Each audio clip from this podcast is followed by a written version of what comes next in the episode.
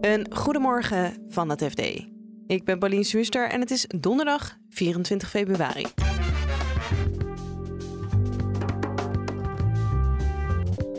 Een private equity partij is stilletjes aan begonnen kinderopvangbedrijven op te kopen nadat ze jaren geleden in opspraak kwamen door het verkopen van een kinderopvangketen. Die hebben ze destijds uh, doorverkocht aan een andere private equity partij.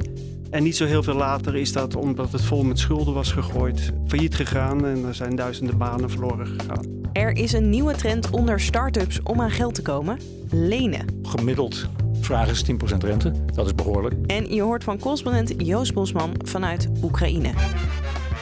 Dit is de dagkoers van het FD. Private equity bedrijf Bensis raakte jaren geleden in opspraak na de verkoop van kinderopvangketen Estro. Nu heeft de omstreden investeerder opnieuw stilletjes honderden kinderopvangverblijven overgenomen. Redacteur Richard Smit legt uit waarom de kinderopvang zo interessant is voor dit soort partijen. Kijk, al die private equity partijen die zitten met enorm veel kapitaal, miljarden die ze moeten besteden. Dat is helemaal niet zo makkelijk. En kinderopvang is toevallig een sector waar een uh, gestage stroom van vaste inkomsten in zit. Er zijn gewoon wachtlijsten. Eigenlijk loop je er weinig risico op en je hebt er uh, een redelijk gegarandeerd rendement op. Nou is Bensis ook geen onbekende in de kinderopvangbranche. Nee, zij hebben iets meer dan tien jaar geleden hebben ze de grootste kinderopvangorganisatie destijds gehad, Estro. Uh, Partout, tegenwoordig uh, de grootste, is daar een soort opvolger van. Ja. Uh, die hebben ze destijds doorverkocht aan een andere private equity partij, Providence, dat is een Amerikaanse partij. En niet zo heel veel later is dat, omdat het vol met schulden was gegooid, failliet gegaan en er zijn duizenden banen verloren gegaan. Ja. Dus ze hebben een nogal nou ja, beladen geschiedenis in de kinderopvang. Ze hebben ook niet heel duidelijk gemaakt, zelf proactief, dat zij weer opnieuw in de kinderopvang gestapt zijn, toch? Nee, daar zijn ouders uh, eigenlijk min of meer toevallig uh, achtergekomen. Uh, er waren een aantal ouders van de oudercommissies uh, van de Kleine Wereld. Dat is een van de dertien kinderopvangorganisaties die inmiddels gekocht zijn door Bensis onder, Ja. onder de paraplu-naam Samenwerkende Kinderopvang. Die waren niet zo gecharmeerd van een aantal opvolgende prijsverhogingen. En ze merkten ook dat uh, op de groepen er steeds meer kinderen kwamen en ze zagen daar niet meer leiders of leidsters uh, tegenover staan. Die kregen daar wat argwaan van, die zijn gaan zoeken en die hebben in de jaarrekeningen gevonden dat inderdaad uh, Bensis inmiddels daarin geparticipeerd heeft. Dus eigenlijk dat het in handen is van een private equity partij. Waarom waren ze daar zo tegen dat het in de handen was van een private equity partij? Alleen, alleen door die tariefverhogingen? Of? Wat, wat, wat nu die ouders steekt, is dat ze er niet van op de hoogte gesteld zijn. Ja, uh, dat ze het niet wisten. De ene zegt van, nou ja, wij hebben op een bepaald moment wel gehoord dat wij uh, met andere crèches en kinderopvangen en buitenschoolse opvangen gingen samenwerken onder de naam Samenwerkende Kinderopvang. de andere heeft dat zegt dat hebben wij ook niet gehoord. Maar ze hebben in ieder geval niet gehoord dat Bensis daarbij betrokken is. Sterker, het staat ook niet op de website van Samenwerkende Kinderopvang vermeld. En ook niet op de website van Bensis zelf. En dat is opvallend, opvallend want ze, ze, hebben daar 25 bedrijven waarin ze gestapt zijn. 24 daarvan staat op de website, één daarvan niet, Samenwerkende Kinderopvang. Ja. Dus dat doet toch vermoeden dat ze een beetje onder de radar weer terug zijn gegaan. Uh, een beetje uit angst uh, voor, uh, voor kritiek. Er zijn natuurlijk redelijk veel mensen tegen de rol van private equity in, in de kinderopvang. Het is een zwaar gesubsidieerde sector. Zo'n 70% van de kinderopvang wordt betaald uit collectieve middelen van onze belastingcenten. Er zijn best veel mensen die vinden dat private equity daar geen rol in speelt. de gemeente Amsterdam heeft zelfs twee jaar geleden een onderzoek bevolen om te kijken of ze dit soort investeerders kunnen weren uit de kinderopvang.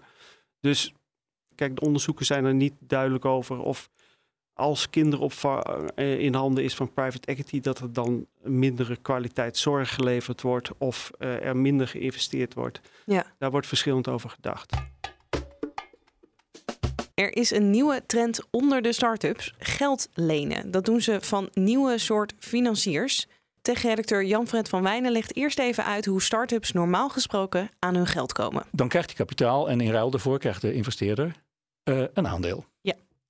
Dat betekent dat, een, uh, dat de oprichters van het bedrijf meteen al een deel van hun bedrijf kwijt zijn.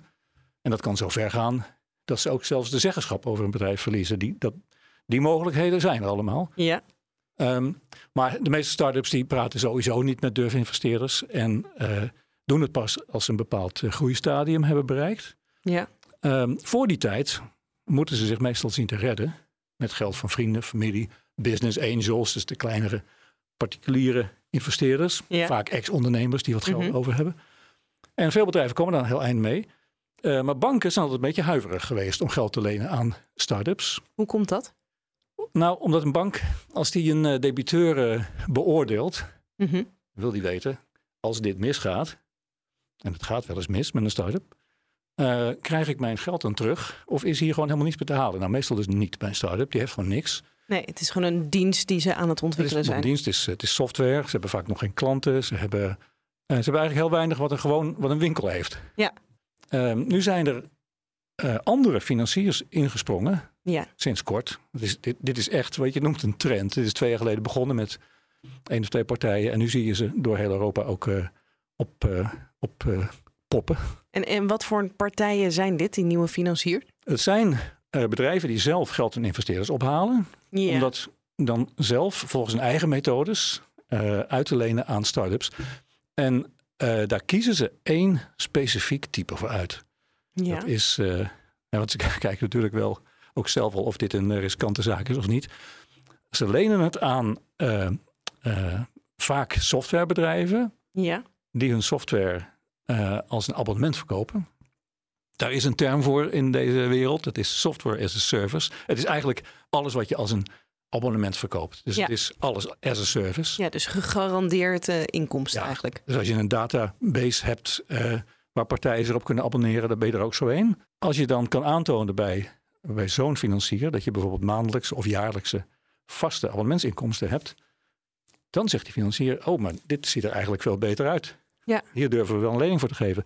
Dus als ik daar als start-up uh, bij aanklop, dan hoef ik dus geen aandelen weg te geven. Ik betaal alleen rente. Je betaalt rente. Je betaalt best wel veel rente. Ja. Gemiddeld vragen ze 10% rente. Dat is behoorlijk. Als je nu naar, als een bedrijf naar de bank gaat, betaal je zo gemiddeld 6%. Alleen, je krijgt het niet zo makkelijk. Ja. En het, het, duurt vaak ook heel erg lang voordat die bank er helemaal doorheen is en ja of nee zegt. En deze bedrijven hebben een heel simpel ja, een soort uh, kliksysteem ontwikkeld. Je koppelt jouw uh, administratiesysteem aan op hun bedrijf. Ja. Uh, ze lezen van alles uit bij jou. En nou, wat ze beloven binnen 24 uur. Het kan vier dagen duren, hebben wij gehoord. Dan uh, heb je je aanbod. En dan kun je ja of nee zeggen. En meteen wordt het geld overgemaakt. Dus het gaat even heel anders dan bij een, een reguliere bank. Eigenlijk is dit gewoon toch een beetje een soort veredelde banklening. Wat deze partijen aanbieden. Gaan banken hier dan ook, zie je die hier dan ook al in stappen of nog ja, niet? je ziet uh, schoorvoet dat banken het ook aan, aanbieden. Omdat ze ook ontdekken dat ze op dezelfde manier naar dit type start-ups kunnen kijken. Ja. En dat, uh, dat biedt dan uh, in elk geval voor, voor die nieuwe partijen genoeg zekerheid. Nou, voor, voor steeds meer banken komt dat nu ook in zicht. En dat betekent hè, voor de andere kant, de start-up wereld, dat er veel meer mogelijkheden zijn om geld te lenen. En dat misschien die rentes ook omlaag gaan. Ja. Want er komt dan concurrentie tussen allerlei aanbieders van leningen. En we gaan nog even naar Oekraïne, waar correspondent Joost Bosman zit. Ik sprak hem voordat Rusland vannacht Oekraïne echt binnenviel. En op dat moment was het nog relatief rustig en waren de Oekraïners niet zo bezorgd, vertelt hij. Mensen zeggen ja, dit was uh, te verwachten, dit konden we al jaren geleden zien aankomen. En ze zijn zelfs een beetje verbaasd over het feit dat het nu pas gebeurt. Die, die erkenning van die uh, uh, afvallige regio's, Volksrepubliek, Volksrepubliek Donetsk en Luhansk. en voor de rest zeggen ze ja, we zitten hier al acht jaar hebben we te maken met een oorlog. En je zit hier in Kiev op 500 kilometer afstand van het, uh, van het front. Maar uh, ze hebben daar elke dag mee te maken. Want het is in het nieuws. Er worden gewonde soldaten worden naar Kiev overgebracht. Hè? Dus ja, het, het, het, de mensen zijn eigenlijk een beetje verbaasd dat we in het Westen zo in paniek raken en, en, en zijn. En dat uh, ook eigenlijk niemand die ik spreek gelooft dat er echt een grootschalige invasie is. Dat is wisselend, maar de meerderheid van de mensen gelooft daar niet in. Wat ook overal merkt, is dat mensen wel heel strijdvaardig zijn. Zeggen, als het zover komt dat er een Russische inval komt, nou, dan, dan zullen de Russen ervan lusten. En dan gaan we onder de wapenen. Ja, dus het is niet zo dat het ze niet uitmaakt of het Oekraïne of Rusland wordt, maar ze zijn er gewoon een beetje aan gewend. Het maakt ze wel degelijk uit of het, of, of het Rusland of Oekraïne wordt. Uh, zeker aan de Oekraïnse kant zijn mensen gewoon uh, ja, echt de laatste acht jaar uh, verder Oekraïens geworden, zeg maar. Een voorbeeld, ik was in Kharkov in november. Een echt Russisch-talige stad vroeger waar uh, mensen nu ineens heel veel Oekraïens spreken. Um, ik, ik, kwam daar in een winkeltje en, en ik vroeg aan een dame... Uh, vroeg ik iets in het Russisch en, en ze bleef gewoon stug Oekraïens tegen me praten. Ja, dat leidt dan ook weer tot misverstanden natuurlijk. Want dat versta ik weer niet of nauwelijks, voor de helft misschien. Mariupol was precies hetzelfde. Dat was ik twee weken geleden. Ook daar wordt er veel meer Oekraïens gesproken. En blijven ze ook gewoon Oekraïens tegen je praten als je, als je in het Russisch begint. Dus dat, dat zegt wel wat. Hè? De, de, de, de, de, de hang naar Oekraïne is veel sterker geworden. Het patriotische gevoel is veel sterker geworden. Ja, eigenlijk precies uh, wat Poetin niet wil dan. Ja, nou ja, dat is dus ook het, het, het eigenaardige. Hè? Dat, dat zegt ook iedereen. Van ja, uh, Poetin wilde uh, Oekraïne terug hebben in de, in de, in de invloedssfeer van Rusland. Uh, na die Maidan-opstand van 2014. Hè? De opstand, de volksopstand tegen de pro-Russische president Viktor Yanukovych, die hier toen nog heerste. maar hij heeft precies het tegenovergestelde bereikt door oorlog te gaan voeren tegen de Oekraïners. En nou ja, dat heeft ze natuurlijk ook wel de schellen van de ogen doen vallen van wie Vladimir Poetin is. Want het opvallende is dat eigenlijk de helft van de Oekraïners voor uh, 2014, hè, toen, toen, toen uh, de Krim werd geannexeerd en, en de Donbass-oorlog begon, de helft van de Oekraïners uh, positief tegenover Vladimir Poetin stond. Ze vonden hem tenminste echt een, een, een leider. Uh, terwijl ze hun eigen president uh, Janukovic toch een beetje als een corrupte slappeling zagen. Nou ja, dat, is, dat beeld is echt veranderd. Ik geloof dat nu nog, ik zag laatst peilingen, dat nu nog maar 16% van de Russen, uh, sorry, van de Oekraïners, nog, nog, nog sympathie heeft voor Vladimir Poetin.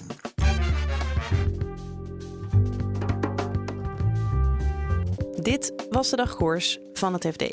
Op fd.nl lees je meer over deze onderwerpen en volg je het financieel-economisch nieuws. En dagkoers volg je natuurlijk in je favoriete podcast-app. Zoek ons even op en klik op abonneren. Dan staan we morgenochtend weer voor je klaar. Een hele fijne dag en tot morgen.